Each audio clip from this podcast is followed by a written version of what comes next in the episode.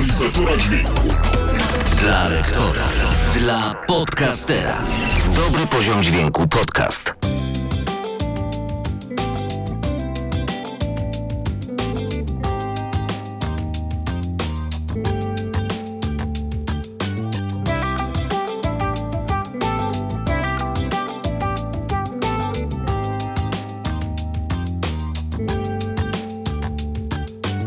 Cześć, witam Was bardzo serdecznie z tej strony Darek Marchewka. Kłaniam się i zapraszam na drugą część naszego spotkania z Krzyśkiem Buratyńskim. O co zapytałem go w drugiej części? No, posłuchajmy. Druga część będzie jeszcze bardziej ciekawsza od tej pierwszej. Będzie o lektorce, będzie o dźwięku, będzie o karierze Krzyśka. Zamieniamy się w słuch. Zbliżmy się teraz e, już bardziej do tych e, tematów realizacji dźwięku, tej studyjnej, którą e, wobec tego chyba bardziej lubisz. Mm, jak się zaczęła ta twoja przygoda realizatora dźwięku, realizatora, producenta, postproducenta, inżyniera dźwięku, rzekłbym. Jak się stało, że wypłynąłeś z teatru? Powiedziałeś, y, zasłaniam zasłony, bęk i y, spróbuję sił w studiu nagrań. To znaczy, to studio mi cały czas towarzyszyło faktycznie. To, że pracowałem w teatrze, no pracowałem na początku na przykład jako aranżer, no i też aranżacje, które produkowałem w swoim studiu później gdzieś tam na potrzeby teatru właśnie były, były odtwarzane i tak dalej. No ale y, stwierdziłem, że jednak studio jest, no właśnie, no spokojniejsze, że studio jest. Y, jest rynkiem, który na wiele więcej pozwala. Ja, ja jednak mimo wszystko mam duszę po prostu przedsiębiorcy. Ja do dzisiaj, pomimo tego, że rzeczy, które robię, spowodowały, że zarówno moje studio się rozwinęło, jak i moja marka szkoleniowa się rozwinęła, ja cały czas mam opór przed tym, żeby zrobić z tego dużą firmę żeby zatrudnić ludzi, żeby zrobić jakieś biuro, żeby właśnie automatyzować procesy, bo ja mimo wszystko czuję wtedy, że ja w pewien sposób tracę kontrolę nad, nad jakością. To już nie będę ja jako trener, czy ja jako lektor, czy re, jako realizator, tylko to właśnie będzie coś dużego. No, to jest na przykład problem, z którym ja się też spotykam pracując ze studiami nagrań na przykład, które w takim kierunku poszły, no bo znam takie studia, które zaczynały od na przykład jednego realizatora, a jak e, zlecenia zaczęły płynąć, to w pewnym momencie ten realizator zatrudnił kolegę, później zatrudnił menedżera, później kolejnego realizatora, zrobili drugą reżyserkę, sprzęty na plan filmowy pokupowali, no i nagle się zrobiła z tego operacja, która zatrudnia 12 osób. Wiesz, no z jednej strony super, ja się cieszę, że to się rozwija, ale już na przykład kiedy pracowałem z tym jednym realizatorem na początku, to wiedziałem dokładnie, czego mogę się spodziewać i dokładnie wiedziałem, jakiej jakości na przykład usługi dostanę. A kiedy już lata później korzystałem z ich usług, to się okazywało, że no na przykład dostawałem materiał, który nie spełniał moich oczekiwań. I na moją, no powiedzmy, reklamację, na telefon po prostu do tego kolegi realizatora mówię, słuchaj, ale to, to mi nie gra. A no tak, no bo wiesz, bo tam Maciek, Wiesiek, Jurek czy inny to montował, a nie ja, no to, no to ja to wezmę i poprawię, nie? No, to, to, to jest coś to jest coś, co mnie po prostu, wiesz, jako przedsiębiorcę trochę przeraża w pewien sposób, że ktoś mógłby właśnie oczekiwać jakości, którą ja zapewniam. Wszystko jedno, czy ktoś, wiesz, o, ocenia mnie jako super wysoką jakość, czy średnią jakość, czy jakąkolwiek. Wszystko jedno, ale jeśli oczekuje konkretnych rzeczy na podstawie mojego portfolio, na podstawie mojego dema i tak dalej, no to ja jako przedsiębiorca chcę mieć kontrolę nad tym procesem, żeby ta jakość była stała, stabilna. No i z, z wiesz, spokojnym sumieniem mogę powiedzieć, że przez lata jest stabilna, jeśli już to coraz lepsza, a nie, że właśnie zatrudnię kogoś, kogo będę dopiero uczyć i przez pół roku połowa zleceń wychodzących z mojego studia będzie nie domagać w jakiś sposób, nie? No, także, także to, jest, to jest myślę dość ważna sprawa, no ale praca studyjna, praca właśnie przy produkcji muzycznej, przy, przy zleceniach lektorskich i tak dalej, właśnie dawała mi takie poczucie kontroli i to, że mogłem właśnie dobierać, w jakich projektach chcę działać, jakie projekty chcę udźwiękawiać, czy do jakich projektów chcę komponować. No a do tego wszystkiego, no nie ma co ukrywać, że jak, y, jak się ma łeb na karku i trochę jeszcze właśnie y, takiego, takiego, ja wiem jak to nazwać, y, charakteru, takiej osobowości właśnie dążącej do czegoś, takiej przedsiębiorczej właśnie, no to można zbudować markę, która nawet jeśli nie będzie bardzo duża, stanie się rozpoznawalna na rynku, stanie się no, marką kojarzoną z jakąś konkretną jakością.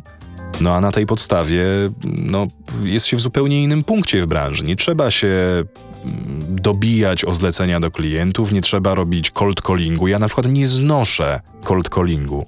Wielu przedsiębiorców uważa, że nie da się inaczej, tylko 8 godzin dziennie wiszą na telefonie i wydzwaniają, jak nie do osób znalezionych w sieci, to do stałych klientów na zasadzie, czy, czy może by czegoś nie potrzebowali, czy A może... to w naszej branży cold calling działa? Oczywiście, że tak. A pan, pan co chciałby osiągnąć? Ja miałem szkolenie z cold calla, no. No więc, no więc właśnie, ja nie znoszę tego, wiesz? I dlatego ja wolę na przykład właśnie pracować. Stąd na przykład się wzięło to, że jako lektor. Yy, w momencie, w którym już mogłem decydować o kierowaniu swoją marką, no bo wiadomo, no na początku bierzesz co jest, prawda? Bierzesz każde zlecenie, bierzesz każdą robotę, budujesz portfolio, poznajesz ludzi, no, no nie masz za wiele wpływu na to, co czytasz. I też zdarzało mi się czytać reklamy pożyczek chwilówek, chociaż szlak mnie trafiał. Też mi się zdarzało czytać jakieś MLM-y, za którymi nie przepadam i tak dalej. No ale to było na pewnym etapie po prostu nieuniknione. W momencie, w którym już faktycznie miałem możliwość sterowania tym, w jakim kierunku moja firma się będzie rozwijać, no to na przykład y, wyspecjalizowałem się właśnie w muzeach, bo to jest tak naprawdę spora część pracy, którą wykonuję cały czas, że robię nagrania audioprzewodników muzealnych, że robię udźwiękowienia wystaw i tak dalej.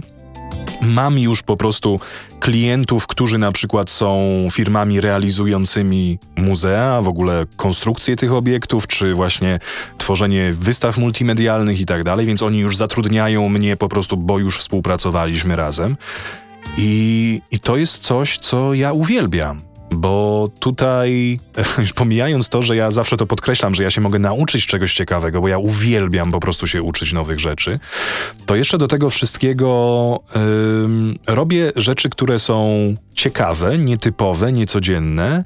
Do tego współpracuję zazwyczaj z jednym producentem, i ten jeden producent faktycznie to jest kontakt, z którym my pracujemy przy jednym projekcie czasem miesiąc, czasem trzy, a czasem tak jak na przykład teraz przy tym muzeum, gdzie robię wszystko od A do Z praktycznie jako reżyser dźwięku, no to tak naprawdę to już no, z pierwszymi wycenami, kosztorysami to już trzy lata minęły chyba w styczniu albo w lutym, jak pracujemy przy tym projekcie.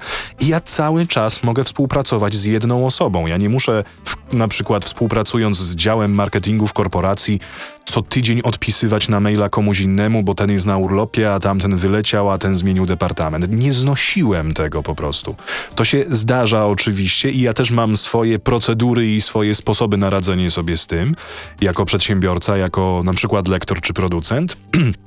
Ale mimo wszystko ta praca właśnie na przykład przy wystawach muzealnych sprawia mi tyle frajdy, że nie czuję potrzeby robienia czegokolwiek więcej. To jest na przykład powód, dla którego nie czytam zbyt wielu jakichś reklam telewizyjnych, radiowych, innych, bo szczerze, znowu, praca pod presją, dzikie terminy, 30 poprawek i tak dalej, to jest, to jest norma. Lektorzy, którzy czytają reklamy telewizyjne doskonale wiedzą, o co mi chodzi, że to jest praca pod presją, że to jest ciągłe tłumaczenie się i robienie poprawek tylko dlatego, że ktoś w dziale marketingu myśli, że trzeba zrobić poprawkę, chociaż wcale nie nie trzeba. To jest norma przy, przy spotach telewizyjnych, nawet przy niektórych radiowych, chociaż umówmy się, ra radiówki są na tyle tanie, że mało kto do nich przywiązuje aż taką wagę, tak? Natomiast telewizyjne... 40 tysięcy słów w 20 sekund. Tak, oczywiście, ale y, przy telewizyjnych na przykład nigdy mi się nie zdarzyło, przy wszystkich, nie wiem, no dziesiąt, kilkadziesiąt przynajmniej spotów telewizyjnych jakieś przeczytałem przez ostatnie lata.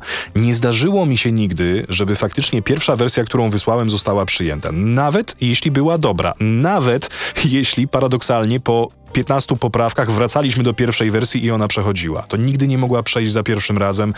I to jest taki poziom e, stresu, poziom spięcia, który dla niektórych ludzi jest ok i oni wręcz y, właśnie czują się jak ryba w wodzie, kiedy pracują pod taką presją. A ja jakoś zupełnie nie. Ja sobie wolę właśnie wziąć taki skrypt muzealny, zaparzyć sobie herbatkę, posiedzieć, ponagrywać, później poudźwiękawiać. Słuchaj, fenomenalny projekt, który na przykład robiłem dla e, Muzeum Lotnictwa w Krakowie. E, jeden z najfajniejszych projektów, jakie kiedykolwiek robiłem jako lektor i jako producent bo dali mi w ogóle pełną wolność wszystkiego. Oni po prostu przyszli, powiedzieli, że oni ufają temu, co ja zrobię i temu, jak to udźwiękowię i temu, jak to przeczytam, więc żebym po prostu robił, co uważam. I to było niesamowite. Ja miałem ładnych parę miesięcy na to, no w sumie ponad rok to trwało.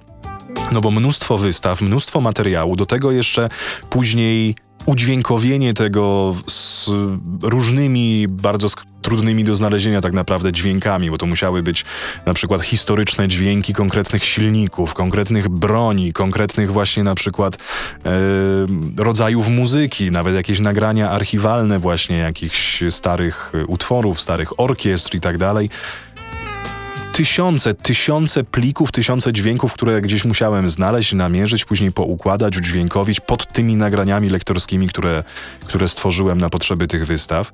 I szczerze, to był jeden z najwspanialszych projektów, przy jakich pracowałem, właśnie ze względu na to, że miałem pełną wolność artystyczną. Oczywiście, bo to już w momencie, w którym masz wolność w swojej pracy, to tak naprawdę możesz się skupić właśnie na artyzmie tej pracy. W reżyserii dźwięku też jest interpretacja, Oczywiście. tak by można by to było podsumować. Tak by może... Oczywiście, że tak. I teraz zamiast się skupiać na tym, co klient ma na myśli, jak mówi, że czy może pan to przeczytać bardziej zielono, bo ja, ja, ja uwielbiam takie po prostu porady od klienta, to ja mogę się skupić na tym, żeby faktycznie na przykład przesiedzieć pół dnia żeby znaleźć utwór muzyczny, który się pojawi przez 20 sekund w czołówce wystawy, ale w najlepszy możliwy sposób odda klimat tej wystawy, bo to jest akurat na przykład klimat właśnie, nie wiem, cmentarzyska wojennego gdzieś we Flandrii, tak jak właśnie przy tych, przy tych projektach e, dla Muzeum Awiacji, czy, czy inne tego typu rzeczy. I to nie jest pierwsza, lepsza muzyka, byle tylko klient mi to klepnął, tylko to jest faktycznie coś, w co ja wkładam serce i w czym ja mogę się odnaleźć jako producent, jako reżyser dźwięku, jako, jako lektor nawet, bo też zupełnie inaczej mi się czyta, jeśli wiem, jak to będzie później obudowane. To jest, to jest niesamowite doświadczenie. I i szczerze, być może gdybym częściej czytał reklamy telewizyjne, czy, czy przeprowadził się w ogóle do Warszawy na przykład, to, to może nawet bym i zarobił więcej, ale nie sądzę, żeby to było tego warte, bo naprawdę spełniam się i sprawia mi niesamowitą radość to, co robię w tym momencie na takich zasadach, na jakich to robię. W tym, co mówisz, jest bardzo dużo pasji. Ja też e, w tym, co słyszę mm, od ciebie, odnajduję bardzo dużo siebie. Mam nadzieję, że nie pogniewasz się za takie porównanie. Nie mam tak dużo doświadczenia jak ty. Ty jesteś dłużej na rynku, znacznie dłużej. To znaczy, ja w dźwięku, jako realizator dźwięku, też jestem długo na rynku, aczkolwiek w branży lektorskiej krótko, bo dopiero od 2017 roku yy, wszedłem w branżę lektorską popełniając masę błędów, yy, ogromną masę błędów yy, i marketingową i yy, lektorsko-warsztatową. No i chyba yy, dziś mogę powiedzieć, że bardzo dobrze, że te błędy popełniłem. Bardzo mi się to przydało. Dziś jestem tu, gdzie jestem. Yy, jesteśmy razem po tych dwóch stronach stronach łączy. I zaraz dojdziemy do nagrań lektorskich y, w samo sedno sprawy, choć ty już przeszedłeś do nagrań lektorskich, bo to y, pozytywne zboczenie, mówiąc kolokwialnie zawodowe, y, już, już poszło, już poszło, ale ja jeszcze troszkę chcę cię pomęczyć w zakresie realizacji dźwięku, dlatego, że ja oprócz tego, że użyczam głosu jako lektor, choć do bardzo daleko mi do ciebie, mm, to jednak ja jeszcze jestem podcasterem, no i w tym podcaście siedzę dość e, mocno. Bardzo mnie boli to, że niestety u nas w kraju mm, no podcast jest na bardzo dźwiękowo, na bardzo słabym poziomie. W zasadzie podcast jest wykorzystywany do mm, do robienia pieniędzy, no, nazywając rzeczy po imieniu i w zasadzie e, ja bym powiedział, że na 100% e, dźwiękowo, na 100% polskiego podcastu to ja bym powiedział, że tak może 40% e, to dobry dźwięk, to dobry poziom dźwięku. Dlatego też tak mój podcast nazwałem, a, a reszta to no troszkę można by nad tym popracować. Ale jak to się ma do naszego odcinka? No właśnie y, jest dość dużo, dość dużo warsztatów mm, z realizacji dźwięku. W tych warsztatach oprócz y, osób, które później uczą się miksu, masteringu i, i, typowej realizacji dźwięku, biorą też udział czasami podcasterzy. No są oni również na mojej, na twojej grupie. Podcasterów też nie brakuje. Y, co byś poradził realizatorom, osobom, które mm, uczą się, chcą uczyć się realizacji dźwięku, czyli nie tylko samej postprodukcji lektorskiej, ale ogólnie później chcą robić tak naprawdę właśnie własne studio, w którym później chcą zarabiać, nagrywać wokale, instrumenty, nagrania lektorskie. Chcą po prostu mieć własne studio i z tego studia żyć. Co byś im poradził? W jaki sposób po skończeniu takich warsztatów których jest pełno. No, ogłaszają się różni ludzie na, nie wiem, weekendowe warsztaty, dwuletnie warsztaty, pięcioletnie warsztaty. No dobra, skończyłem te warsztaty, mam certyfikat, mam studia, mam dyplom, mam yy, w zależności od takiej szkoły. Jak, co mam robić? Jaki mam robić następny krok? Wiesz co, myślę, że To jest bardzo ciekawy temat sam w sobie i to jest w ogóle bardzo, bardzo ciekawy aspekt tej branży. Yy, myślę, że jest kilka elementów, jakby, które się na to składają. Pierwsza sprawa. Yy, bez względu na to, jak bardzo artystyczne rzeczy chcemy robić, no bo jednak wiele osób na przykład właśnie tego typu rzeczami się interesuje po to, żeby robić artystyczne rzeczy. Nieważne jak wysoki ma być poziom artyzmu docelowo, to zawsze jest biznes. I nie można przed tym uciec. To jest, to jest najważniejsze, bo wiele osób wychodzi z założenia, że jeśli ja tylko robię dla siebie i jeśli ja tylko robię na przykład produkcję muzyczną, bo, bo sprawia mi frajdę robienie, nie wiem, muzyki relaksacyjnej na przykład, to nadal nie oznacza, że to nie jest jakaś forma biznesu, bo jeśli chcemy to później gdziekolwiek pokazać, jeśli chcemy to komukolwiek faktycznie dać do odsłuchu. Wszystko jedno, co robimy tak naprawdę z dźwiękiem. Czy to jest podcast, czy to jest właśnie produkcja muzyczna, czy to są nawet nagrania lektorskie, to zawsze będzie miało w sobie jakieś elementy biznesu. Czy to są elementy marketingowe, czy to właśnie no, budowanie marki jakiejś, spójnej marki, dobrze skonstruowanej marki. To zawsze jest jakiś biznes. Jest takie powiedzenie w ogóle i, i myślę, że sporo osób, sporo osób nie lubi tego powiedzenia, ale ono jest niestety bardzo prawdziwe że nieważne jaką pracę wykonujesz, pracujesz w sprzedaży.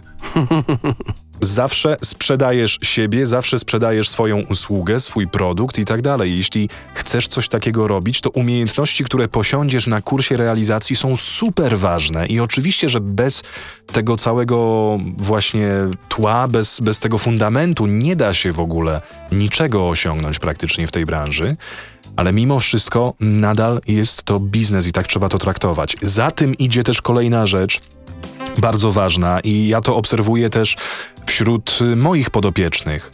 E, mam na myśli osób rozpoczynających przygodę z lektorstwem, e, że jak przychodzi do pozyskiwania zleceń, to chyba my, Polacy, mamy taką tendencję, żeby siąść, załamać ręce i powiedzieć: bez znajomości to się nie da.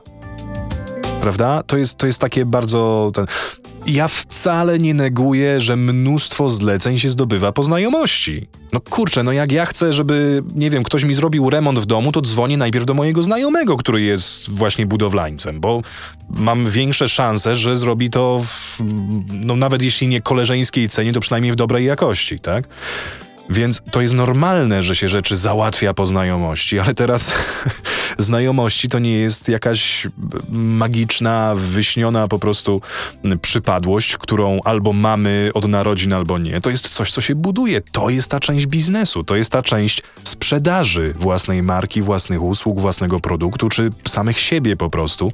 I budowanie znajomości jest drogą do tego, żeby faktycznie działać, czy to w tej branży, czy w jakiejkolwiek innej. A często zauważam właśnie, że nawet jeśli na przykład niektórym moim podopiecznym starcza rozpędu na to, żeby, nie wiem, zacząć ze mną pracę na konsultacjach, czy kupić kurs, w którym mają krok po kroku wszystko, co potrzebują zrobić, to wszystko idzie ok, póki mówimy o dykcji, o emisji głosu, o narracji, o pracy z tekstem, to, to wszystko super.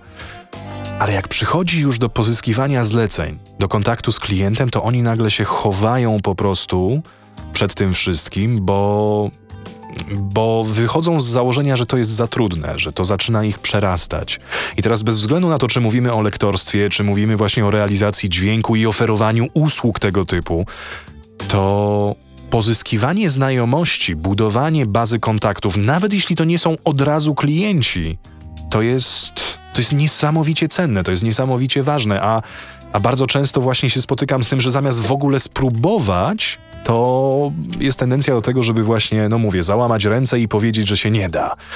A tymczasem się da. Ja obserwuję takie sytuacje, gdzie ludzie, którzy nie mają żadnych znajomości w branży, nagle się okazuje, że przecież, no dobra, nie mają znajomości w branży medialnej czy właśnie dźwiękowej, ale na przykład mają znajomości w branży meblarskiej. I się okazuje, że skoro pracował przez 15 lat jako menedżer jakiejś tam linii produkcyjnej produkującej meble, a teraz chce być lektorem, to jego pierwszymi klientami mogą być ludzie, którzy są w branży meblarskiej bo on ma kontakty do ludzi, którzy produkują na przykład materiały szkoleniowe dla tych fabryk, on ma kontakty do ludzi, którzy produkują reklamy dla tych fabryk, którzy produkują jakiegoś rodzaju tutoriale czy inne tego typu filmy wizerunkowe to powinna być pierwsza nisza, do której zajrzy. To powinno być pierwsze miejsce, w którym on szuka swoich zleceń. Nie wbijać się od razu na, na Woronicza albo gdziekolwiek, bo chce czytać od razu, w,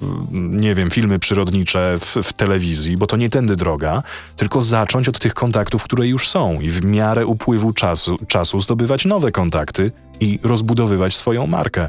Myślę, że to jest chyba najważniejsza rzecz, która jest w stanie tak naprawdę zbudować albo, no może nie zniszczyć, ale zatrzymać w rozwoju mm, jakikolwiek biznes, który prowadzimy, czy to właśnie dźwiękowy, realizatorski, lektorski itd., tak itd. Tak Myślę, że gdyby więcej osób faktycznie nie bało się tego, to, to byłoby znacznie łatwiej. No dobrze, też, też jestem tego samego zdania. No w zasadzie powiem ci, że ja też, y, gdy startowałem, mm, gdy zobaczyłem, że e, jako żółtodziób w branży lektorskiej, odbijam się tylko od ścian e, banków lektorskich, to też właśnie uderzyłem, pamiętam, do jednej z fundacji, e, z, którym, z którą miałem dobry kontakt i tam w zasadzie dostałem zlecenie na e, taki spot, a później zaprzyjaźniłem się z jednym z autorów e-booka dotyczącego telemarketingu. I też spodobał mu się mój głos i dostałem od niego zlecenie na jego stronę internetową i tam też właśnie użyczyłem głosu. Także tak, masz absolutnie rację też y, zdecydowanie zgadzam się z tym bardzo się cieszę, że powiedziałeś o tym e, w naszej rozmowie. E, przejdźmy zatem do tego już, że tak powiem, na maksa do tego naszego mm, zajęcia, którym y, zajmujemy się y, obecnie, czyli nagrania lektorskie, postprodukcja dźwięku. Ty przede wszystkim mm, lektor, trener wystąpień publicznych, y, no i oczywiście postproducent, producent, realizator dźwięku. Mm, ja powiem tobie, że na początku omijałem twój kanał Lepszy Głos, to znaczy tak e, rok, dwa lata temu, wydaje mi się, że mm, nie był twój kanał merytorycznie tak dobry, jak jest w obecnej chwili. Mam nadzieję, że się absolutnie na mnie nie pogniewasz, ale po prostu mm, na obecną chwilę twoje treści są świetne, no wręcz genialne. Są dostosowane do obecnych trendów. Yy, nie ma tam żadnego lania wody. Wszystko jest takie, że połykam to. Yy, i po prostu uczę się, słucham tego, y, jest, jest to świetne. Natomiast wcześniej mam wrażenie, że było, było, tam, było tam trochę treści takich przydługich. Jak to się stało, że zrobiłeś taki kanał na YouTubie i później właśnie, y, że jednak dostosowałeś wszystko do, do obecnych trendów. W jaki sposób to zauważyłeś, że, że warto, warto to wszystko. Z, no, mówiąc tak, my nie myślimy. Ludzie szukają wszystkiego na szybko w internecie i lubią wiedzy podanej w prosty, przejrzysty sposób. A jeszcze tak 2-3 lata temu, to jednak e, mi się wydaje, że trend był inny. Lubiliśmy usiąść spokojnie, przeczytać długą książkę, długiego e-booka, posłuchać e, 30-minutowego filmu na YouTubie. Dzisiaj niestety trendy się zmieniły. Jak to się stało, że ty to zauważyłeś i bardzo szybko zadziałałeś? Znaczy, wiesz co, tak, na wstępie, no dzięki za te dobre słowa, absolutnie się nie obrażam, wręcz absolutnie się zgadzam z tobą. Bo trochę, trochę taka różnica faktycznie się pojawiła na kanale. Nie wiem, czy tak znowu mam takie, wiesz, krótkie i zwarte te treści, bo moje filmy nadal są długie, kilkunastominutowe, dwudziestokilkuminutowe. To jest no, dużo jak na dzisiejsze czasy. I, e, I powiem ci, skąd się ta różnica wzięła, to znaczy skąd się wzięło to, że te materiały były zupełnie inne i zorientowane na zupełnie inne rzeczy jeszcze dwa lata temu czy trzy. To jest kwestia tego, że ja tak naprawdę dopiero szukałem y, swojej własnej niszy w tym wszystkim, że ja tak naprawdę nie byłem do końca pewien, kto będzie odbiorcą tych treści. Ja kiedy zakładałem kanał, to tak może wyglądać, że ja założyłem kanał, jak się pandemia zaczęła, ale jako ciekawostkę powiem, że ja uruchomiłem kanał i wrzuciłem pierwszy film jeszcze zanim się pandemia zaczęła. Co prawda, dwa tygodnie przed pierwszym lockdownem. ale ale, ale dosłownie tak, 1 marca właśnie 20 roku wrzuciłem pierwszy film, taki merytoryczny właśnie e, na kanał, taki poradnik. Było to bardzo nieporadne, było to jeszcze takie trochę drewniane, bo ja się nie czułem jeszcze swobodnie przed kamerą, co jest zaskakujące może, no bo miałem do czynienia z kamerą i zdarzało mi się występować i w teatrze, i w filmie i tak dalej. Kamera mnie nie przerażała, ale to był zupełnie nowy format, to było zupełnie coś świeżego, coś w czym nie czułem się jeszcze pewnie. I, yy, no i wrzuciłem ten film właśnie. Na początku tak naprawdę myślałem, że to będzie kanał e, bardziej ogólny, powiedzmy, taki trochę, trochę może popularno-naukowy, bardziej związany z głosem po prostu. I z tym, w jaki sposób głos wykorzystujemy na co dzień i tak dalej, i tak dalej. Natomiast y, no, z czasem zaczęło się okazywać, że że tak naprawdę wśród moich odbiorców są głównie lektorzy i adepci lektorstwa. I że tak naprawdę, kiedy mówię o rzeczach ogólnikowych, to mało kto w to klika. A jeśli mówię o rzeczach stricte lektorskich, to faktycznie robi się ruch pod tymi filmami. I że, i że filmy, które dotyczą tego, jak wejść w branżę i jak nagrać demo, mają po 20 czy 30 tysięcy wyświetleń, a te, w których nieraz siedziałem przez tydzień, żeby zrobić film na temat tego, nie wiem, jak utrzymać kontakt wzrokowy na scenie z publiką albo coś takiego, co też jest poniekąd może ciekawe i pomocne dla niektórych osób, to no, po trzech latach mają po 70 czy 80 wyświetleń, nie? Także, także w pewien sposób odbiorcy po prostu nakierowali mnie na taki, a nie inny yy, kierunek i, i myślę, że to, to dobrze, bo w ten sposób no zapełniam w jakąś niszę, której tak naprawdę w Polsce w ogóle nie ma. No bo w ogóle trenerów lektorstwa nie mamy zbyt wielu w Polsce, umówmy się. A takich, którzy by faktycznie w miarę regularnie tworzyli treści dla lektorów, pod lektorów, właśnie zajmujące się problemami lektorów, nie tylko tych zupełnie początkujących, no nie mamy prawie w ogóle. No, Maciek Jabłoński wrzuca filmiki raz na jakiś czas, świetne, merytoryczne i tak dalej, ale tak naprawdę no, wśród moich uczniów na przykład, nawet jeśli ja polecę im te filmy, bo ja się wcale nie, nie opieram przed tym, żeby im polecić dobry film merytoryczny kogoś innego, no to umówmy się, no oni siądą i tak naprawdę w jedno popołudnie obejrzą wszystkie, prawda?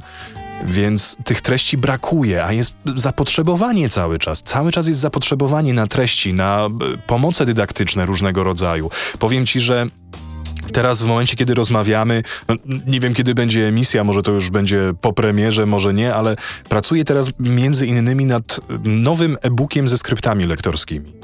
Bo y, rok temu, chyba chyba rok temu, y, udostępniłem na swojej stronie e-booka z darmowymi skryptami lektorskimi do nagrywania dema i do treningu lektorskiego. I powiedzmy, powiedzmy, yy, oczywiście w opisie będzie, ale powiedzmy, mhm. jaka strona, mimo wszystko, powiedzmy.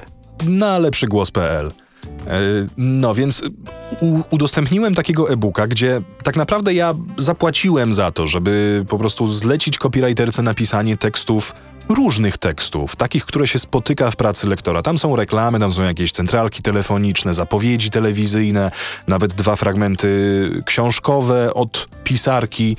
Wszystko poopłacałem, załatwiłem wszystkie prawa autorskie, żeby udostępnić coś takiego w internecie, bo nie ma czegoś takiego w polskim internecie. Na, na kanałach, czy grupach, czy stronach amerykańskich coachów lektorskich takich materiałów jest pełno. A u nas nie ma tego w ogóle udostępniłem coś takiego, no i w tym momencie pracuję nad nową wersją, większą wersją, bo okazuje się, że jest tak duże zapotrzebowanie, że na przestrzeni roku z hakiem pobrało to ponad 2,5 tysiąca osób. I mało tego, yy, coraz częściej widzę i słyszę w internecie w Polsce demówki stworzone z tych tekstów. No i teraz dochodzimy do takiego punktu, Wiesz, no, ale z jednej strony to jest super, ale z drugiej strony ja już zaczynam mieć trochę wyrzuty sumienia, że skoro nikt inny się nie kwapi cały czas, żeby tego typu rzeczy zrobić, no bo no wiadomo, no to trzeba, wiesz, wyłożyć swoje pieniądze, opłacić copywriterów i tak dalej i posiedzieć parę dni i poskładać to w e-booka albo zlecić to grafikowi i wszystko. Ale jeśli nikt inny się nie kwapi i przez ten rok z hakiem nie pojawiła się żadna inna alternatywna publikacja tego typu, no to to powoduje, że spośród tych dwóch i pół tysiąca osób, niech nawet wiesz, jedna czwarta faktycznie zrobi to demo, to już mamy setki demówek krążących po internecie, dokładnie z tym samym. Co powoduje, że dochodzimy do punktu, w którym to może zacząć działać zamiast, mm, zamiast na, na, na plus dla tych osób, to może w pewien sposób być problemem, bo jeśli zgłoszą się na casting i nagle jest 30 osób z taką samą demówką, no to sam wiesz, nie? Więc siedzę teraz, poświęcam czas znowu na to, też z copywriterami i tak dalej, żeby stworzyć większe opracowanie, gdzie będzie większy wybór tych tekstów, bo z jednej strony zapotrzebowanie jest, a z drugiej strony na polskim rynku w ogóle czegoś takiego nie ma. Nikt tego nie tworzy cały czas. I wiesz, ja mam dużo różnych pomysłów i planów na rzeczy, które chciałbym.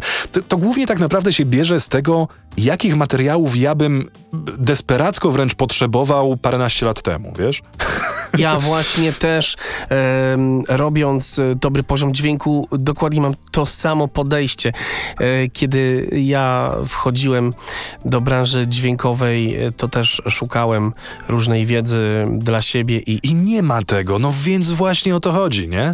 Więc ja, ja staram się, siedzę, robię, wiesz, różne tego typu projekty, różne tego typu materiały dydaktyczne i, i cieszy mnie, że to się, wiesz, cieszy jakąś popularnością i no nie ukrywajmy też, no buduje moją markę, powoduje, że no powoduje, że skoro ludzie kupują moje kursy na przykład, no to też stać mnie na to, żeby zrobić e-booka ze skryptami. No umówmy się, to też są koszty, które ja muszę ponieść, to są inwestycje, które ja ponoszę.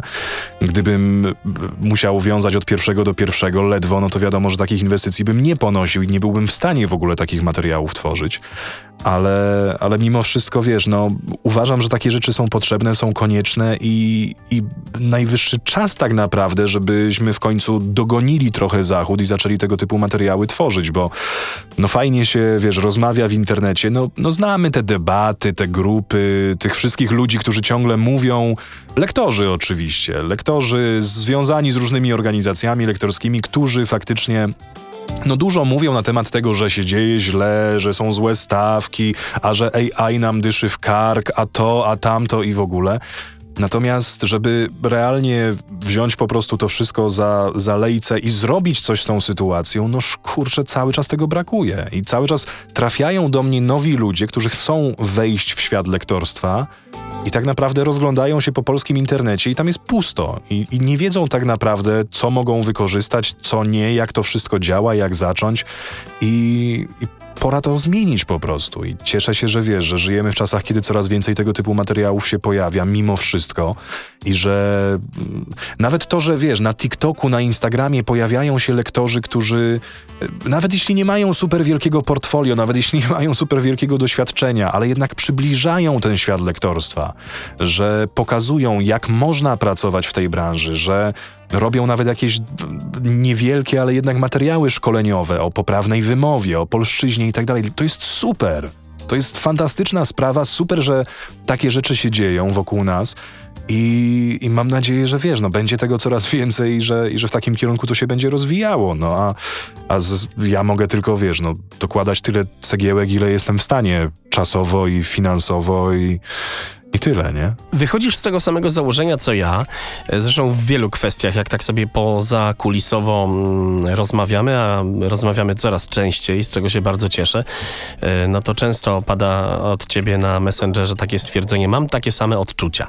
I to jest najczęstszy tak, zwrot. Tak. Bardzo się y, z tego powodu cieszę i mam nadzieję, że tak będzie mm, często.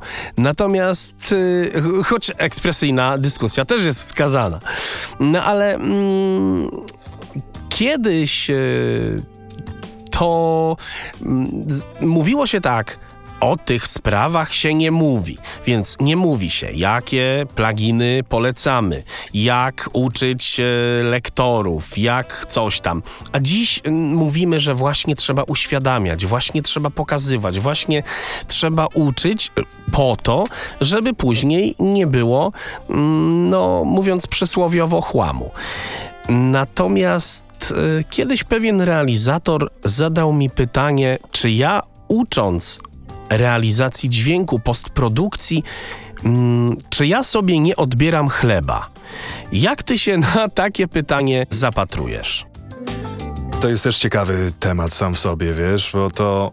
Znaczy, powiem ci tak. Yy, to, co powiedziałeś, cała ta kultura yy, o tym się nie mówi, to naj, najwyższa pora, żeby to już odeszło do lamusa, wiesz? No, bo to, to robi więcej szkody niż pożytku dla wszystkich. To, to, to jest coś, czego większość właśnie tych y, piewców tego, tej filozofii w ogóle nie zauważa, że to robi więcej szkody niż pożytku dla nas wszystkich. Y, jeśli nie mówimy o tym, jakich pluginów używamy i jak osiągamy takie, a nie inne brzmienie, to jakim cudem możemy oczekiwać, że nasz kontrahent dostarczy coś w jakości, która nas będzie satysfakcjonować, nie? Czy na przykład, jeśli nie rozmawiamy o pieniądzach, no bo umówmy się, najczęściej chodzi o pieniądze w tym wszystkim, prawda? Tak, i uwielbiam, tak, uwielbiam absolutnie po prostu dyskusję, wiesz, ile zarabia lektor? Dobrze zarabia, nie? Co to znaczy dobrze zarabiaj? Dla jednego 1000 złotych miesięcznie to już będzie super, dla innego 15 tysięcy to będzie mało. Porozmawiajmy o pieniądzach, porozmawiajmy o tym, ile się powinno za co brać. Y, dosłownie wczoraj w mojej grupie właśnie się pojawiło pytanie na temat wyceny jakiegoś zlecenia i tak, i wszyscy jak, jak, jakoś strasznie są zaskoczeni. W ogóle dostałem wczoraj takie wiadomości od dwóch osób, że a ty się tak nie boisz pisać stawek, bo ja tam dosłownie rozpisałem widełki, stawki, ile ja biorę, ile można wziąć i tak dalej, i tak dalej. Dlaczego ja miałbym przed tym uciekać? To są normalne ludzkie sprawy. Żyjemy w czasach, kiedy jeśli ktoś bardzo będzie chciał, to i tak jest w stanie to zweryfikować na podstawie tego, co w urzędzie skarbowym jest. więc, więc jaki jest w ogóle sens uciekania przed tym, skoro Otwarta rozmowa o tym, ile bierzemy, jakie mamy stawki, poniżej jakiego progu nie schodzimy, jest jedynym lekarstwem na to, żebyśmy wszyscy więcej zarabiali, nie? No przecież jeśli, jeśli nie powiemy, że, nie wiem, za stronę nie bierzemy mniej niż, no nie wiem, strzelam, 80 zł, przy jakichś tam wewnętrznych zleceniach, szkoleniach i tak.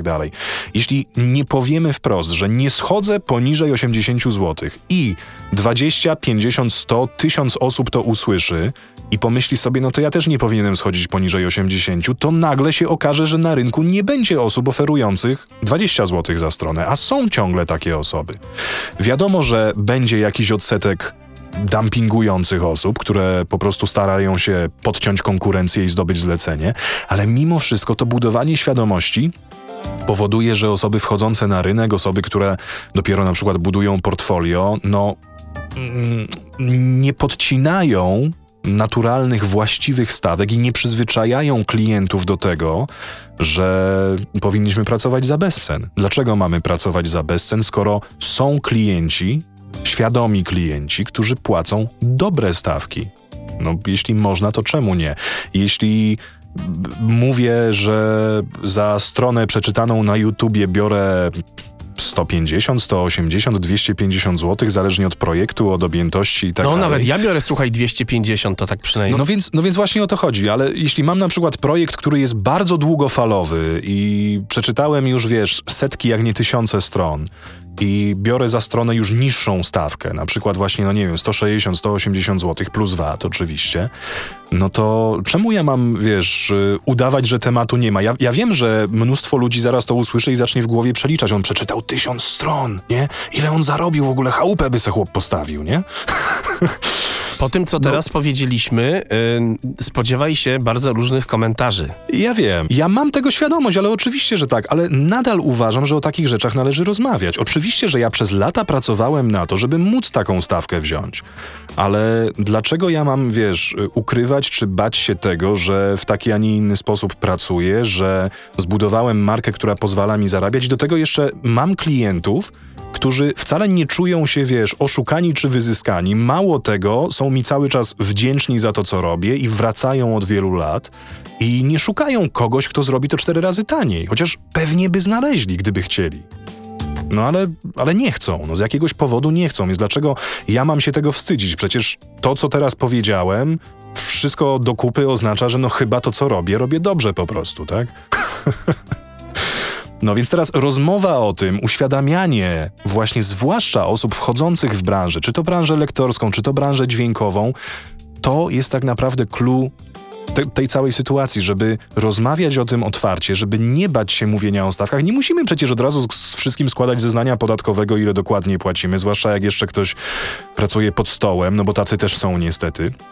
Yy, więc mam tego świadomość, ale, ale mimo wszystko unikanie albo właśnie takie eufemizmy ciągłe, że no dobrze się zarabia, no, no, no nieźle wyceniłem, no, no sporo mi zapłacili. To nie wiemy, z kim tak naprawdę w tym momencie rozmawiamy, kto ma jakie, jakie punkty odniesienia, powiedzmy, tak? I czy dla niego właśnie na przykład stawka 50 zł za stronę to będzie dużo czy mało, czy 500 zł za stronę to, to będzie coś, nad czym nie warto się pochylić. Różnie może być, ale rozmowa jest sposobem, żeby to wszystko ujednolicać. Jeśli nie mamy ciągle uregulowanego zawodu, jeśli nie mamy ciągle faktycznie zasad związków zawodowych, które by, tak jak na Zachodzie, w Stanach Zjednoczonych na przykład, określały, że poniżej tej stawki nie wolno, a za to powinno być tyle, a za to powinno być tyle, no to to jest druga najlepsza rzecz, którą możemy zrobić, żeby po prostu rozmawiać, żeby po prostu uświadamiać, nie? I, I z jednej strony, wiesz, pracując z moimi podopiecznymi, jak ja im na przykład właśnie mówię, nie, że przeczytałem ileś tam set stron dla klienta po tyle i tyle, tam no plus minus na przykład właśnie sto kilkadziesiąt złotych, to tak, oni z jednej strony zaczynają właśnie, wiesz, liczyć sobie w głowie, ile ja mógłbym za to samochodów kupić na przykład. Wiadomo, że ja mówię tutaj o, wiesz, projektach, które trwają nieraz parę lat, więc to, więc to, to jest też odrębna sprawa, jakby to, to, to nie jest jeden przelew, który nagle dostaje na konto, ale... Yy, ale wiesz, im się nagle otwierają pewne rzeczy w głowie na to, i oni zaczynają rozumieć, że tak naprawdę nie ma żadnego sufitu tego, ile są w stanie zarobić, jeśli będą mądrze budować swoją markę, mądrze się rozwijać w branży, zdobywać właściwe zlecenia od właściwych kontaktów. I potem nagle się okazuje, że mija rok i oni piszą do mnie, że właśnie podpisali umowę i że w sumie tyle samo będą zarabiać, nie? I że, coś, I że coś, co rok temu im się wydawało w ogóle abstrakcyjne, bo jak mówimy o jakichś, wiesz, pięcio- czy sześciocyfrowych kwotach, no to to jest abstrakcyjne. Bardzo często, dla, dla większości osób tak naprawdę, nie? Jak powiem, że wystawiam ileś faktur miesięcznie, z czego jedna faktura od razu jest pięciocyfrowa, to dla wielu osób to jest abstrakcja, bo na etacie tyle nie ma. Ale później się okazuje, że jeśli przełamią blokadę w swojej głowie, że to wcale nie jest niemożliwe, żeby tyle zarabiać, i to ja tak naprawdę im przełamuję taką barierę w głowie, bo ja im mówię: patrz, można, zobacz. Ja to robię, ja to po prostu każdego dnia robię. To nagle okazuje się, że pół roku później, rok później, czy wszystko jedno, trzy lata później, oni też zaczynają w taki sposób pracować, a nie boją się negocjować z klientem wyższych stawek i cały czas mm, jeszcze wiesz. Yy, jak, jak się tak ładnie mówi, mają wygląd lichy i durnowaty, nie? Że, że przed klientem mają wygląd lichy i durnowaty, bo oni ciągle proszą, oni ciągle błagają, czy klient może by łaskawie zechciał im zapłacić tyle i tyle. Jeśli zmieni się to nastawienie, jeśli zmieni się to podejście, to nagle się okazuje, że tak naprawdę nie ma tego szklanego sufitu nad głową. Można bez problemu zwiększać to, ile zarabiamy, można dobierać klientów, można zyskiwać dużo bardziej intratne zlecenia w tej branży i działać na własnych warunkach. No bo jeśli ja, jako jeden z wielu lektorów, i to przecież wcale nie jakiś super, hiper topowy lektor, bo ja wcale się nie uważam za topowego lektora, ja uważam się po prostu za w miarę przeciętny głos, który może w miarę nieźle sobie radzi jako przedsiębiorca po prostu na rynku. Jeśli ja jestem w stanie, wiesz, na dwóch czy trzech projektach miesięcznie spokojnie opłacić wszystko, co potrzebuję poopłacać i jeszcze nawet odłożyć jakieś oszczędności na poczet inwestycji w markę szkoleniową i tak dalej, no to znaczy, że każdy z takim głosem też może. A tymczasem wiesz, ta blokada jest strasznie silna. Ja miewam na zajęciach takie osoby, które mają głosy dużo lepsze niż ja. Ja, ja wcale się nie boję tego powiedzieć, bo, bo to jest prawda. Jak przychodzi do mnie gość, który ma po prostu głos taki, że jakbyś go usłyszał przez telefon, to się dziwisz, że Jacek Brzostyński dzwoni. I, i, I ten człowiek, wiesz, od trzech lat krąży wokół tematu lektorstwa, ale on się cały czas boi wszystkiego. On się boi nagrać demo, on się boi wysłać to demo, on się boi przyjąć zlecenie, on się boi wycenić to zlecenie. To on będzie cały czas w tym krążył, bo jak cały czas dookoła dostaje właśnie takie negatywne informacje od branży, od lektorów, na grupach lektorskich i tak dalej. I on obserwuje grupy lektorskie i on widzi te ciągłe dyskusje, te ciągłe awantury, te, te ciągłe właśnie przytyki na przykład wobec każdego świeżego głosu. No to ja się nie dziwię, że on się boi. Natomiast ja wiem i ja mu to na każdym spotkaniu czy na każdej konsultacji powtarzam praktycznie, kładę mu cały czas do głowy, że on ma głos, którym już powinien pracować, a nie ciągle się zastanawiać, czy on się nadaje. I ta zmiana świadomości, ta zmiana podejścia zależy od nas, którzy już w branży jesteśmy. Bo tak naprawdę osoby, które dopiero wchodzą w nową branżę, nie mają skąd tego wziąć, tylko właśnie od nas. I to naszym zadaniem jest, żeby tak naprawdę stworzyć im właściwe warunki do wejścia w branżę. No a odnosząc się do tego, co powiedziałeś, że czy to nam nie zabiera chleba sprzed nosa, bo to też jest oczywiście ważne pytanie. Nie zauważyłem, żeby moje wprowadzanie nowych lektorów na rynek przez lata spowodowało, że ja mam mniej pracy, bo ja ciągle nie jestem w stanie wyrobić. Ja też tego nie zauważyłem, jak chodzi o postprodukcję dźwięku, tylko... Prawda? tylko po prostu, e, wiesz, są takie pytania, ktoś mi je zadaje i jestem ciekaw, jak ty się po prostu na to zapatrujesz, ty jesteś w branży dłużej. Powiem ci tak, że nie zaobserwowałem, żeby mi brakowało zleceń. Mało tego, nie obserwuję, żeby co bardziej zaangażowanym spośród moich podopiecznych brakowało zleceń, bo wprowadziłem już trochę ludzi do branży i to, to, jest, to są moje naprawdę duże osiągnięcia. Ja się niesamowicie tym cieszę. Bardziej mi chodzi o to, czy nie musimy mieć wyrzutów sumienia wobec osób, nie wiem, z 20-30-letnim stażem, którzy czują się już wojskowymi weteranami w dźwięku. Słuchaj, ale umówmy się, tym osobom i tak to nie zaszkodzi. Bo osoba 20-letnia czy 25-letnia wchodząca na rynek, robiąca pierwsze kroki, nie jest żadną konkurencją w żadnej kategorii dla osoby, która ma 30 lat doświadczenia. Bo to ani nie jest tak samo brzmiący głos, ani to nie są te same stawki, ani to nie jest ten sam sposób realizacji, czy cokolwiek innego. Także nie rozpatrywałbym tego w takiej kategorii, bo, bo to są dwa różne światy po prostu. To jest, wiesz, no jak pytanie, czy nowa wersja Daci Sandero zagrozi sprzedaży Ferrari, nie? No, więc, więc to, to, to są zupełnie dwa różne światy, zupełnie dwie różne grupy odbiorców i na pewno tego nie można tak rozpatrywać. A z kolei wiesz, jeśli chodzi o innych lektorów, którzy wchodzą na rynek albo którzy weszli niedawno na rynek i szukają zleceń i tak dalej, no to wiesz, jeśli wchodzi na rynek nowa osoba, która ma odpowiednie przygotowanie merytoryczne, która ma już jakąś świadomość tego, jak działać, jak budować markę, jak wyceniać w zdrowy sposób i tak dalej, i tak dalej, no to to jest brutalne może co powiem, ale dla rynku lektorskiego, czyli dla nas wszystkich tak naprawdę, lepiej, żeby taka osoba z przygotowaniem merytorycznym i ze zdrowym podejściem wyparła osobę, która na przykład robi dumping cenowy.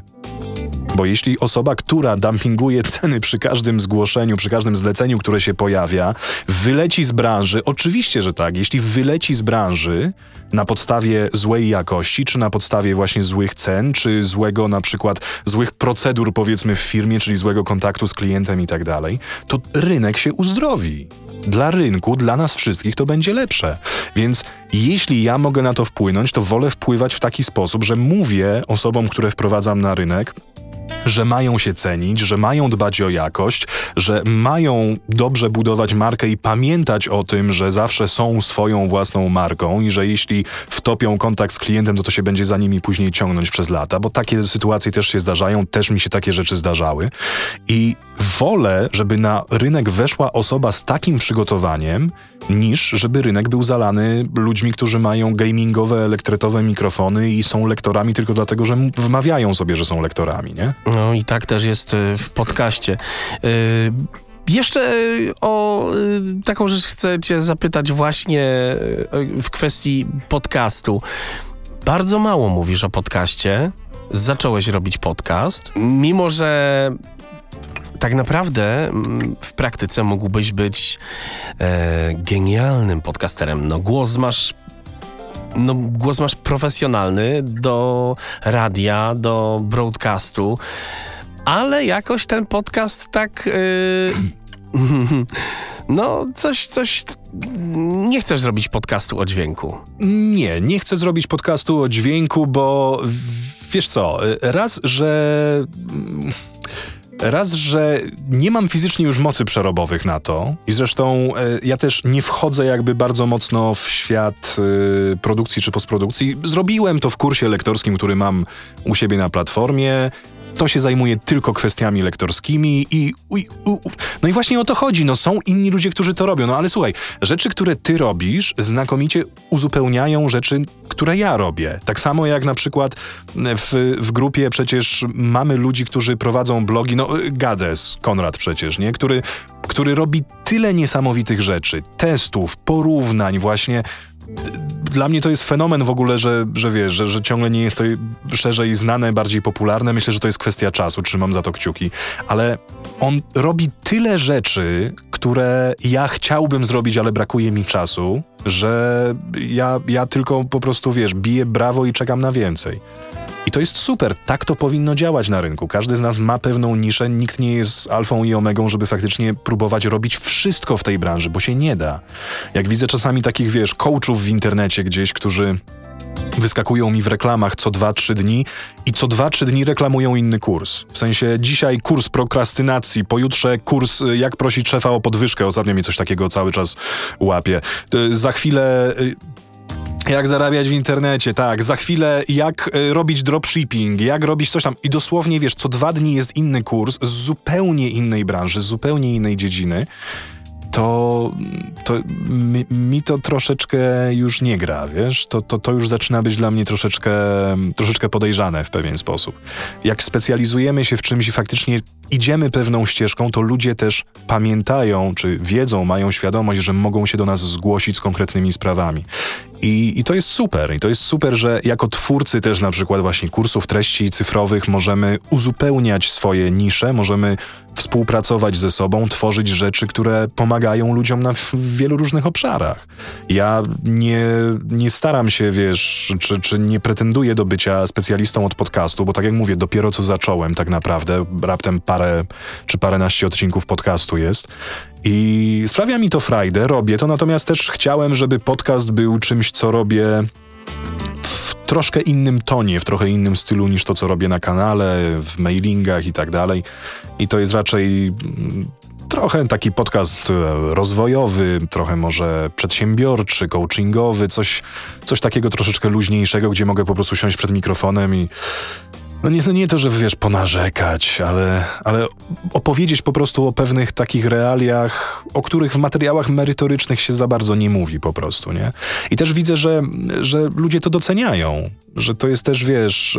Yy, że, że, czasem właśnie zaglądam pod maskę pewnych procesów, że, że opisuję rzeczy, które no może niekoniecznie na przykład są takie bardzo fajne, Dlatego mówię, że ja nie staram się w podcaście na przykład, wiesz, narzekać na coś, ale z drugiej strony ciężkie tematy w życiu przedsiębiorcy, czy w ogóle w życiu człowieka też są i też nie można ich tak zupełnie przemilczeć. I o ile nie będę, wiesz, poświęcać im czasu na kanale lektorskim czy w kursach, no to w podcaście mogę o takich rzeczach pomówić. Nagle się okazuje, że po premierze odcinka dostaję ileś wiadomości od ludzi, którzy, wiesz, mają to samo, fajnie, że ktoś o tym mówi, kurczę, ale dałeś mi do myślenia i tak dalej. To, to mnie napędza, to, to jest dla mnie niesamowicie ważne w tym wszystkim. Jakie plany Krzysiek Buratyński ma, jak chodzi o kursy, o kursy lektorskie, kursy na Akademii Lektorskiej.pl na najbliższy czas?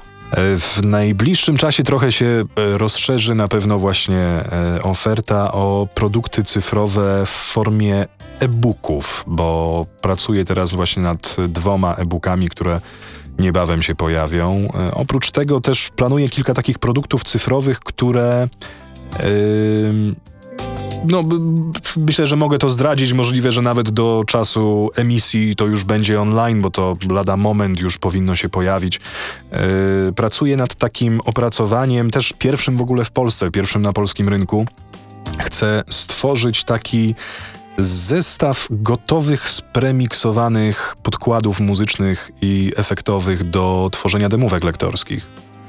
I właśnie najtrudniejsze tutaj w tym wszystkim to nie jest zmontowanie tego, tylko to jest załatwienie licencji oczywiście. Załatwienie licencji na to, żebym ja mógł przemontować coś, na przykład dociąć do 30-sekundówki, ale później to odsprzedać nadal jako muzykę, to wcale nie jest takie proste, jakby się wydawało. Także od tygodni po prostu yy, negocjuję z różnymi serwisami, właśnie bankami muzycznymi i tak dalej i już jest na horyzoncie coś, co myślę, że rozwiąże problem, no bo niestety no nie będę ukrywał, że gdzie niegdzie po prostu jest to wykonalne, ale jak usłyszałem wycenę na przykład no, w okolicach 3 albo 5 tysięcy dolarów za parę utworów, no to... No to sam wiesz, że jesteśmy, jesteśmy zbyt małą niszą w Polsce, żeby to się później zwróciło, nie? Tak, także, także jest, jest już kilka takich alternatyw, które przebadałem i które być może właśnie będą właściwe, no i nad takim projektem też chcę popracować, bo to też wcale nie jest takie oczywiste i osoby, które chcą na przykład stworzyć pierwsze demo lektorskie albo w ogóle poćwiczyć właśnie mix, mastering i tak dalej, no nie mają skąd tego brać, bo ta muzyka, która jest dostępna za darmo na jakimś Ben Soundzie czy innych tego typu, tak, one, one są bardzo często tak słabej jakości, niestety. No, także, także wiesz, też pracuję w takim kierunku, no to jest, to jest właśnie to, widzisz, no staram się znaleźć takie produkty, takie rzeczy, które, które przydałyby mi się wiele lat temu, kiedy sam szukałem bezskutecznie w internecie po prostu takich rzeczy.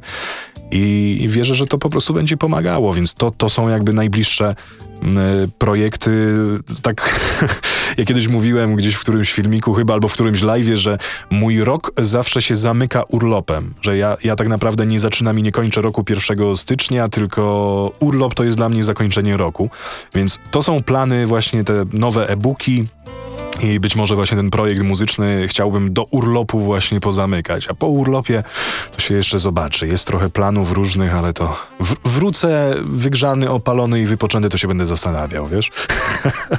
Jasne, jasne. Okej, okay. na koniec w takim razie podsumujmy, gdzie można ciebie e, zobaczyć, usłyszeć. Najpierw może mm, wszystkie twoje strony internetowe, lepszygłos.pl. Tak jest jest, tak jest. Ja już się sam trochę gubię, wiesz? Nie martw się, ja też.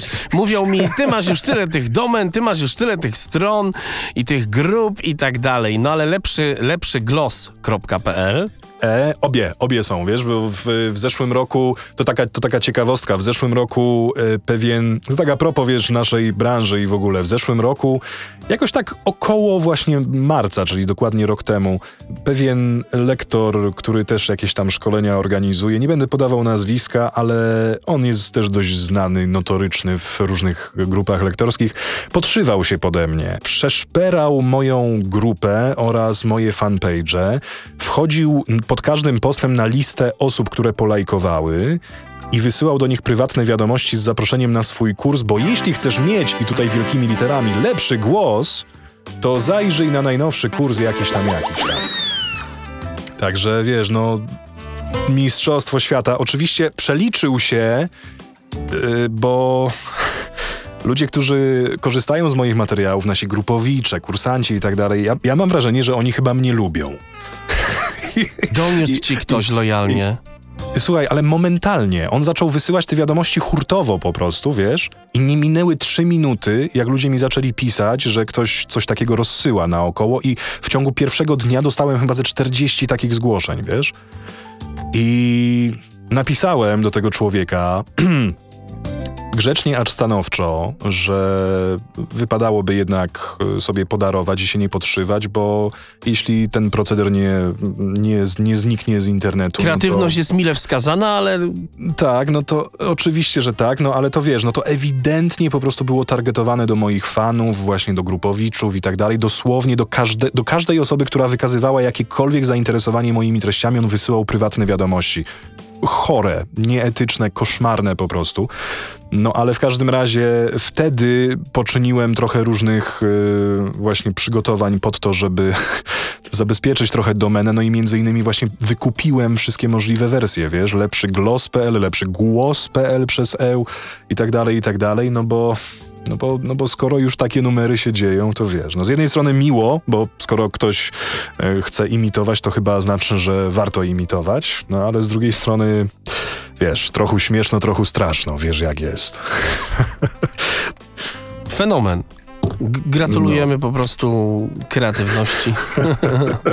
No, także, także tak, lepszy głos albo lepszy głos, wszystko jedno i tak przekieruje na, na stronę. -hmm. Dobra, dobra. No to, to następna, następna strona. No, oczywiście akademialektorska.pl, czyli właśnie platforma kursowa, która od kilku miesięcy funkcjonuje. No właściwie, tak jak patrzę teraz, to tak, jest, jest online od trzech miesięcy dokładnie. No i rozwi rozwija się cały czas. Co prawda już e, rozglądam się trochę za nowym i mocniejszym serwerem, bo przy ruchu, który tam się generuje cały czas, no to moje serwery, znaczy mój serwer, ten hosting już coraz częściej klęka i dostaje, jak jest wyprzedaż jakaś, to dostaje co chwila maile, że uwaga, koniec przepustowości, uwaga, uwaga, przeciążenie serwera i tak wiesz, 12 razy w ciągu dnia na przykład.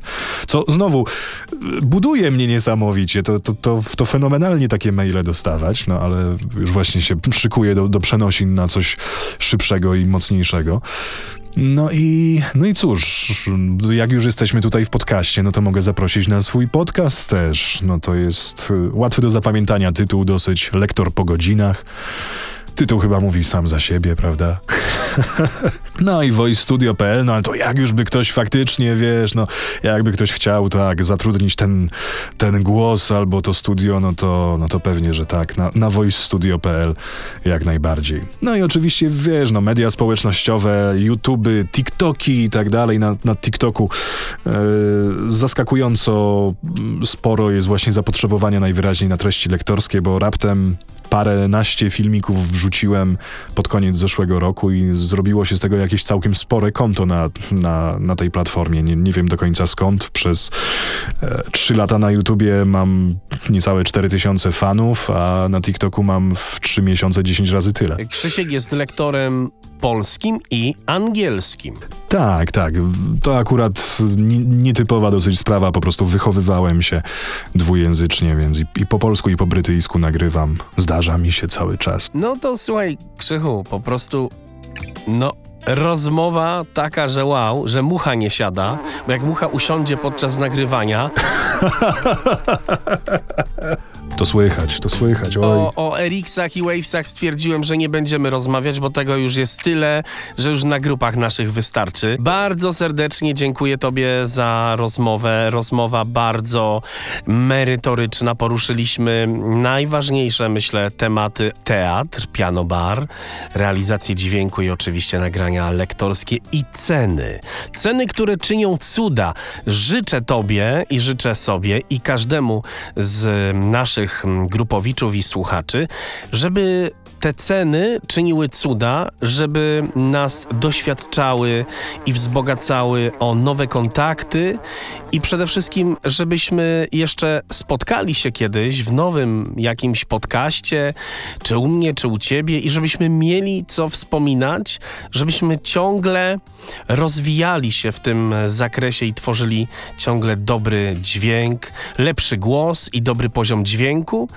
No i bardzo serdecznie dziękuję Tobie za, za, za rozmowę, za to, że zgodziłeś się na zaproszenie do mojego odcinka. Dzięki wielkie za zaproszenie. Cieszę się, że, że mogłem być. Na pewno jeszcze będzie okazja. Póki co, jak najbardziej się podpisuję pod tymi życzeniami, które powiedziałeś. Dołożyłbym jeszcze, rozmawiajmy dużo o tych właśnie stawkach, o stanie polskiego rynku dźwiękowego, lektorskiego i tak dalej. I na naszych oczach to się będzie wszystko uzdrawiać. Gościem odcinka był Krzysiek Buratyński, a ja, Darek Marchewka, dziękuję Wam za uwagę. Trzymajcie się ciepło. Do usłyszenia. To był podcast Dobry Poziom Dźwięku. Dołącz do grupy na Facebooku Dobry Poziom Dźwięku Podcast. podcast, podcast, podcast.